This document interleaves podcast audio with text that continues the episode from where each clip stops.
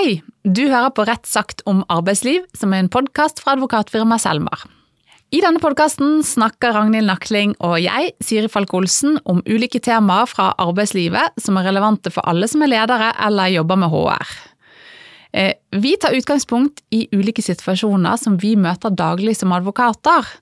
Og vi snakker en del om juss, men først og fremst så håper vi at dere får praktiske råd om hvordan ulike situasjoner kan løses.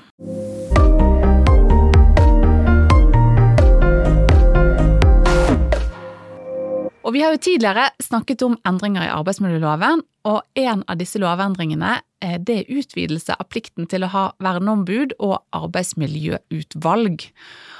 Og Dette er regler som mange arbeidsgivere må kjenne til.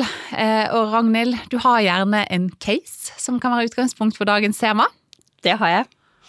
Siri, vi ser for oss at du blir kontaktet av en nyansatt HR-sjef i et konsulentfirma. De har litt over 30 ansatte, og de jobber på kontor. Det er lyse og fine og moderne lokaler i Bergen sentrum. Og tidligere så har de ikke hatt noen egen HR-ansvarlig, men derfor er det jo også veldig mye nytt da, for denne HR-sjefen som nettopp har begynt. Og det er kommet mange endringer i arbeidsmiljøloven som personen prøver å få oversikt over. Så er det jo også en gruppe ansatte som er veldig bevisst rettighetene sine, og følge med på at ting skal gjøres som det skal, og gi beskjed hvis det ikke skjer etter boka. Og så er det en av dem som kontakter HR-sjefen og sier at hva med ansattmedvirkning? Det er jo ikke noe av det hos oss, det må på plass, verneombud, arbeidsmiljøutvalg, osv. HR-sjefen blir jo litt usikker og tenker at ah, er ikke dette her ting som liksom er i andre bransjer, da, ikke konsulentbransjen? Men slår jo opp da og ser at det er ikke bare der det er risiko for liv og helse, kanskje, at det burde være noe. Men så er det ganske mye han skal ta tak i, men likevel så er jo dette nå rykket litt opp på lista, siden han ble kontaktet av en misfornøyd ansatt. Så Siri, hvis denne HR-sjefen ringer deg, hva sier du til den personen da? Nei, helt kort og overordnet så er det nok eh, disse ivrige ansatte som har rett, og som har best å lese opp på, på, hva slags regler som gjelder for verneombud og arbeidsmiljøutvalg. Eh, og så kan vi jo si at mange av disse reglene har eksistert lenge, eh, sånn at her er det ikke bare nyheter fra, fra januar 2024. Det er helt sant. Det har vi hatt i arbeidsmiljøloven veldig lenge, men det var jo en god del som ble endret nå fra 1. januar 2024, og også regler om verneombud og arbeidsmiljøutvalg, eller AMU. Og før vi går inn på spørsmålene eller tankene som denne HR-sjefen eh, hadde da, i caset, kan du ikke si litt om hvorfor loven ble endret? Ja, jeg tenker vi kan løfte blikket litt. Eh, og i 2019 så ble det nedsatt et utvalg som skulle vurdere fremtidens arbeidsliv i lys av det som ble kalt eh, strukturendringer og ytre drivkrefter, eh, som blant annet forandringer i næringsstruktur, teknologiutvikling, klimautfordring og globalisering. Og det er det utvalget som heter Fogner-utvalget, ikke sant, etter han som var lederen, eh, altså advokat Jan Fogner. Ja, det er helt riktig. Eh, og eh, sant, i 2019 ble det nedsatt utvalg, i 2021 leverte eh, dette utvalget sin utredning, og de kom da med flere forslag til endringer av eh, arbeidsmiljøloven. Og så skjedde jo det som ikke alltid, men noen ganger skjer, nemlig at lovgiver ved departementet da, tenkte at dette var jo mange gode forslag. Noe av dette her, i hvert fall, det tar vi inn i loven. Og en av de endringene som da skjedde, det er det vi skal snakke om i dag, nemlig at plikten til å ha verneombud ble utvidet, og at AMU også ble utvidet, eller plikten til å ha det, da, omfatter flere virksomheter enn det gjorde tidligere. Ja, og, og, igjen fint å ha med seg hensyn bak, eh, for da forstår man bedre hvorfor reglene er som de er. Eh, og hensynet bak disse lovendringene det har vært å sikre ansatte større grad av medvirkning og påvirkning eh, i virksomhetens arbeidsmiljøarbeid. Og det er gjort da gjennom at man har senket grensen for når arbeidsgiver er forpliktet til å til å ha og få på plass et arbeidsmiljøutvalg, og plikten til å forvalte verneombud. Eh, og i tillegg at eh, verneombudets ansvar er blitt liksom noe utvidet. Hmm. Og før vi går enda mer konkret inn på det, så kan du ikke si noe kort om hva er et verneombud? Hva er et arbeidsmiljøutvalg? Ja, da tenker jeg at jeg begynner med verneombudet. Eh, og det som står i loven, det er at verneombudet skal ivareta de ansattes interesser i saker som, som handler om arbeidsmiljøet. Og da skal verneombudet særlig passe på at eh, det fysiske arbeidsmiljøet ikke utsetter de ansatte for fare, eh, og at de ansatte får nødvendig opplæring og ikke minst at arbeidet da tilrettelegges på en måte som gir minst risiko for fysisk fare, fysiske skader på jobb. Og Det henger også sammen med dette med verneutstyr på de plass, arbeidsplassene hvor det er aktuelt. Og det var jo litt det denne HR-direktøren tenkte på, da, ikke sant. Er det ikke verneombud, er det ikke der bare de må gå rundt med gul vest og passe på livet sitt sånn eh, fysisk, holdt jeg på å si. Men det er jo da viktig å si at verneombud har også ansvar for psykososialt arbeidsmiljø, som sikkert kan være veldig aktuelt i denne konsulentvirksomheten? Ja, det er det. Eh, det er som du sier, Ragnhild, mange tenker at verneombud først har en rolle på arbeidsplasser hvor det er en fysisk risiko. For noe, altså det er typisk kanskje industriarbeidsplasser, bygg og anlegg. Eh, og det er klart at ansvar for fysisk arbeidsmiljø, det er veldig viktig. Eh, og det er kanskje litt mindre viktig på tradisjonelle kontorarbeidsplasser. Men da er det veldig viktig å huske på det ansvaret for psykososialt arbeidsmiljø. Ehm, det er en presisering som ble tatt inn i loven fra 1.1.2024. Viktig å huske på at det gjaldt også tidligere, men nå er det tydelig presisert i loven. Ja, det er viktig. Og det betyr jo da at verneombudet har et spesielt ansvar i problemstillinger som handler om arbeidsmiljøutfordringer, mobbing og trakassering. Og hvis man skal oppsummere, så kan vi vel si at formålet med denne ordningen, da, verneombud, det er at personen skal være et bindeledd mellom arbeidstakerne og arbeidsgiver ved at arbeidsgiver skal hjelpes, rett og slett, i forebyggende HMS-arbeid. Og nummer to, at verneombudet skal være en viktig del av arbeidstakernes rett til medvirkning og medbestemmelse på arbeidsplassen. Ja, og så kan vi jo kanskje kort si at det finnes mange regler om verneombudet og verneombudets rolle. Eh, det er regler om at verneombudet skal velges av de ansatte. Det er minimumskrav til opplæring av verneombudet.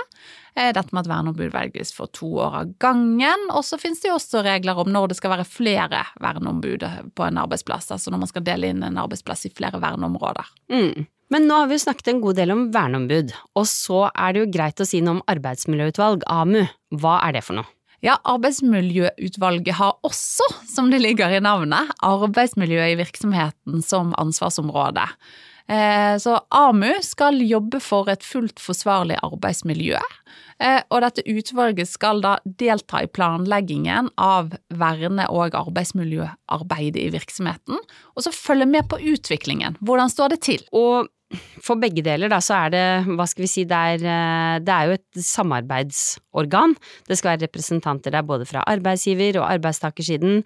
Det skal delta i planlegging av verne- og arbeidsmiljøarbeidet. Mens verneombudet, det hører man jo, det er bestemt form, det er én person. Selv om det kan være flere på én gang. Så det er, en, eh, det er en viktig forskjell, og verneombudet har jo litt mer en hva skal vi si, en vaktbikkjefunksjon, da, og mer representant for de ansatte enn AMU. Ja, det er det. Sant? Arbeidsmiljøutvalget, der er det både arbeidsgiverrepresentant og arbeidstaker. Eh, så det er et mer sånn samleorgan, mens verneombudet er én, med mindre det er flere verneombud på arbeidsplassen. Og så er det jo mange som starter med dette, da, fordi dette konsulentfirmaet hadde jo ikke noe på plass, de. De skal begynne med det nå. Eh, der kan man jo noen gang synes at åh, dette var masse regler, hvor får jeg oversikt, hvordan skal vi velge, hvordan får jeg på plass AMU, hvor eh, må de slå opp da, eller hvor skal de få denne infoen fra? Og det er et viktig poeng, Ragnhild. Vi vet at mange eh, kanskje nystartede virksomheter, nye arbeidsgivere, eh, syns det er litt sånn vanskelig å få tak på hva er dette. Eh, da kan vi si at det står en del informasjon i selve loven og da i kapittel, altså arbeidsmiljøloven, og da kapittel seks og syv, som er egne kapitler om eh, både verneombud og arbeidsmiljøutvalg. Og så står det mer detaljerte regler i noe som eh, heter forskrift eh, om organisering, ledelse og medvirkning. Men det enkleste og mest oversiktlige, syns jeg, det er å lese seg opp på den informasjonen som står på Arbeidstilsynet sine sider. Der syns jeg det står veldig mye oversiktlig informasjon om ja, rolle, ansvarsområde, valg, opplæring, så jeg ville begynt her. Så for en gangs skyld så sier vi ikke begynn med å slå opp i loven, vi sier gå inn på Arbeidstilsynet sine hjemmesider. De er gode på dette. Det er et godt tips. Ja. Nå kan det være på plass å komme til lovendringene fra januar. Vi har jo snakket nå om bakgrunnen for de nye reglene, vi har snakket om hva verneombud er, hva AMU er, men vi har jo faktisk ikke snakket om hva de nye reglene går ut på da, Siri? Nei, vi har bare forskuttert så vidt at man, det omfatter flere arbeidsgivere enn før. Eh, og det er fordi at man har tatt ned den terskelen for hvor mange ansatte man må ha for å utløse en plikt. Altså den, den er blitt senket. Ja, og der kan vi vel si at har du fem ansatte eller flere, så skal du ha minst ett verneombud. Hvis du har mindre enn fem ansatte, så kan du avtale en annen ordning, men det må du avtale skriftlig. Og det betyr jo at veldig små virksomheter eh, med få ansatte skal ha verneombud. Før var terskelen ti ansatte, eh, men nå er det kun fem. Eh, og her viste departementet i forarbeidene til at dette var bevisst og ønsket. Og de, departementet tok opp det at et liksom et mer sammensatt arbeidsliv, et økende omfang av utenlandske arbeidstakere, det er forhold som kan gi behov for at flere arbeidsplasser har en verneombudsordning. Og departementet mente at da bør man legge til rette for altså medvirkning, ansatt medvirkning, også i mindre virksomheter. Og så I tillegg så er det sånn at verneombudets ansvarsområde er blitt utvidet til å også inkludere innleide arbeidstakere. Eh, og selvstendige oppdragstakere som utfører arbeid i nær tilknytning til virksomheten. Hmm. Og det ene kommentaren fra meg er jo at det var jo enda godt at dette var en bevisst og ønsket lovendring, da.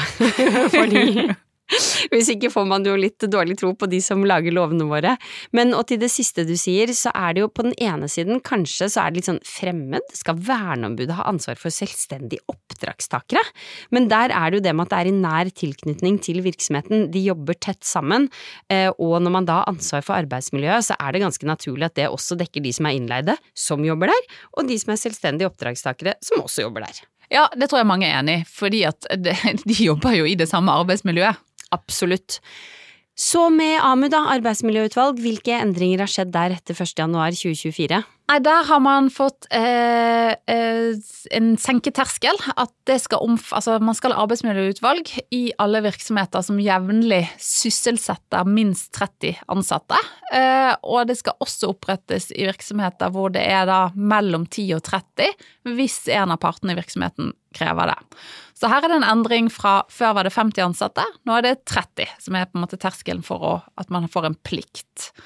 Eh, og også her eh, så tok departementet i forarbeidene opp at arbeidsmiljøutvalg har en veldig viktig funksjon når det gjelder dette med å fremme medvirkning, medbestemmelse og samarbeid. Eh, og man viste også til at det er svært få virksomheter med under 50 ansatte som ikke er omfattet av tariffavtale, som har et arbeidsmiljøutvalg. Så departementet mente at i disse virksomhetene så vil det være viktig eh, å bidra til å fremme medvirkning og samarbeid på arbeidsplassen ved at man får senket denne terskelen fra 50 til 30 ansatte. Og da får man en plikt til å ha AMU. Så hvis vi skal oppsummere fra casen vår, HR-sjefen tar feil. De veldig aktive ansatte hadde rett. Man må her opprette et arbeidsmiljøutvalg, og man må ha verneombud, for det er rett og slett flere ansatte enn det loven setter som minimum, da. Og det med verneombud, det er jo en plikt de har hatt lenge. Ja, det er helt riktig. Eh, og da vil vårt råd være at det bør de få på plass så raskt som mulig. Altså både fordi at dette er viktige ordninger i seg selv, med hensyn til altså dette med ansatt medvirkning. Eh, men også eh, fordi dette her er typiske forhold som Arbeidstilsynet er opptatt av når de gjennomfører tilsyn eh, på arbeidsplasser. Siri, kan du oppsummere de viktigste punktene som lytterne bør huske når det gjelder de nye reglene om verneombud og arbeidsmiljøutvalg? Ja, det kan jeg gjøre. Jeg tenker det aller viktigste som lytterne bør ha med seg, det er jo da at grensen for når arbeidsgivere er forpliktet til å ha verneombud og arbeidsmiljøutvalg, den er senket. Så nå gjelder det plikten til å ha verneombud gjelder alle eh, virksomheter med mer enn fem ansatte. Og arbeidsmiljøutvalg, det må alle som har mer enn 30 ansatte ha. Og så husk at dette her er en plikt som gjelder alle typer arbeidsgivere. Det er ikke sånn at kontorarbeidsplasser er unntatt. Da håper vi du som lytter til oss vet mer om de nye reglene for verneombud og arbeidsmiljøutvalg.